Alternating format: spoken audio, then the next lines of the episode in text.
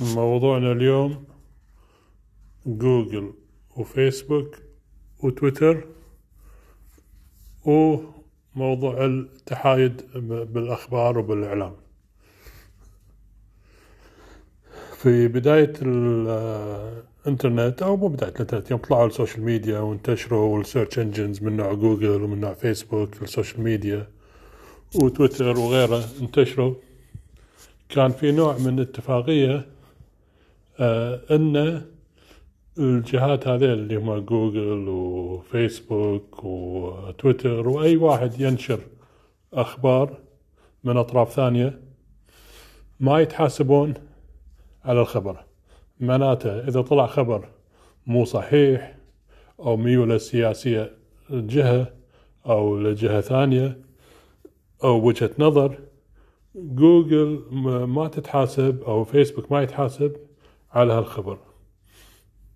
فمثلا إذا جريدة كتبت خبر كاذب ممكن اللي طلع عنها الخبر ممكن يروح الجريدة ويحاسبها بالقانون ويرفع عليها قضية وياخذ آه، تعويضات إذا ثبتت أن آه، كلام الجريدة كان خطأ.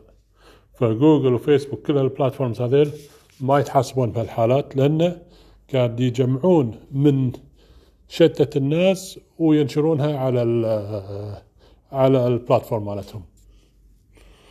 ف مش هالكلام. اللي صار انه بالسنين الأخيرة يوم كبرت جوجل وفيسبوك وتويتر صار عندهم مصالح سياسية صار عندهم ناس يسندونهم. صار عندهم ناس يعني عندهم وجهة نظر فقاموا يميلون الأخبار أو يبرزون الأشياء اللي لصالحهم قبل غيرهم.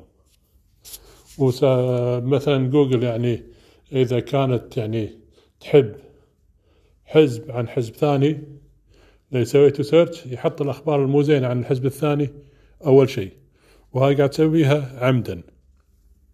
تويتر نفس الشيء. ممكن تخشش أو تمنع طرف من إنه يسوي tweets والطرف الثاني تسمح له. وفيسبوك نفس الطريقة. فلهالسبب الحكومة الأمريكية اللي أعتقد الكونغرس أو الهاوس حتى أبل وياهم بعد بالموضوع آه، نادوهم وقابلهم. وسألهم ليش؟ وقالوا لهم لا وإحنا قاعد نحاول ونخاف عن السيفتي ونخاف عن العنصرية ونخاف عن أن الناس يستقصدوا الناس. فقاعد نحاول يعني نهذب النتائج. بس يعني بينت انه في بعض حالات يسمحون حق ناس والطرف الثاني السياسي الثاني ما يسمحوا له. فالحين بينادونهم مرة ثانية بتاريخ أظن 28 عشرة الرؤساء عن طريق فيديو كونفرنس طبعا. فالفكرة هني إن إذا ما عجبهم الكلام راح يمشون بإجراءات قانونية انه يفككون هالشركات.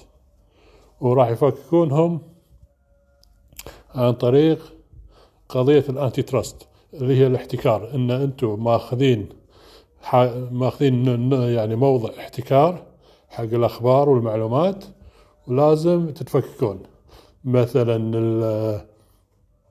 مثلا فيسبوك اللي تملك إنستغرام وتملك واتساب وتملك فيسبوك وغيرها وتملك أشياء ثانية ممكن يفككونها لشركات مختلفة.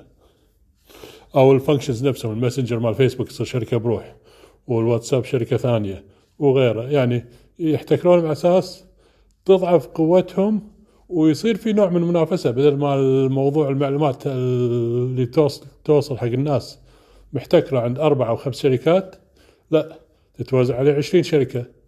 اللي صار في توزعت بهالطريقه ممكن آه، يصير فيه أخذ وعطاء يصير في نوع من تناقض بين هذه وهذه يصير هذا ماخذ رأي والثاني ماخذ رأي ثاني. فيعني يكون كل ما زاد العدد كل ما أفضل كل ما صار أقل العدد ممكن تنحك المعلومات. فهذا اللي راح يبين بالأيام الجاية. بالنسبة للمستثمرين اللي شاري أسهم ال- فيسبوك أو أبل أو جوجل إذا فككوا الشركات. تاريخيا نتيجة تفكيك الشركات دائما يعطي مردود أكبر لأن لأن الشركات بحد ذاتها لها قيمة أكبر. و- وراح تطلع مع مشتركينها الجاهزين مثلا فيسبوك اظن عدد المشتركين وصل مليارين شيء كذي يعني عدد خيالي. تصوروا انه platform مثل واتساب أو ال Messenger مال فيسبوك يطلع شركة بروحه وعنده من أول يوم مليارين مشترك. يعني هذه بس تسوى شركة بروحها. ما بالك آه، مو- موجودة بشركة واحدة فقيمتها دائما راح تزيد. فاللي عنده أي استثمار أو شيء يحط عينه على هالشركات وإذا مشت القضية بدل ما تشوفون السعر ينزل راح تلقون السعر يرتفع ووقت التفكيك راح يزيد أكثر. وموفقين إن شاء الله.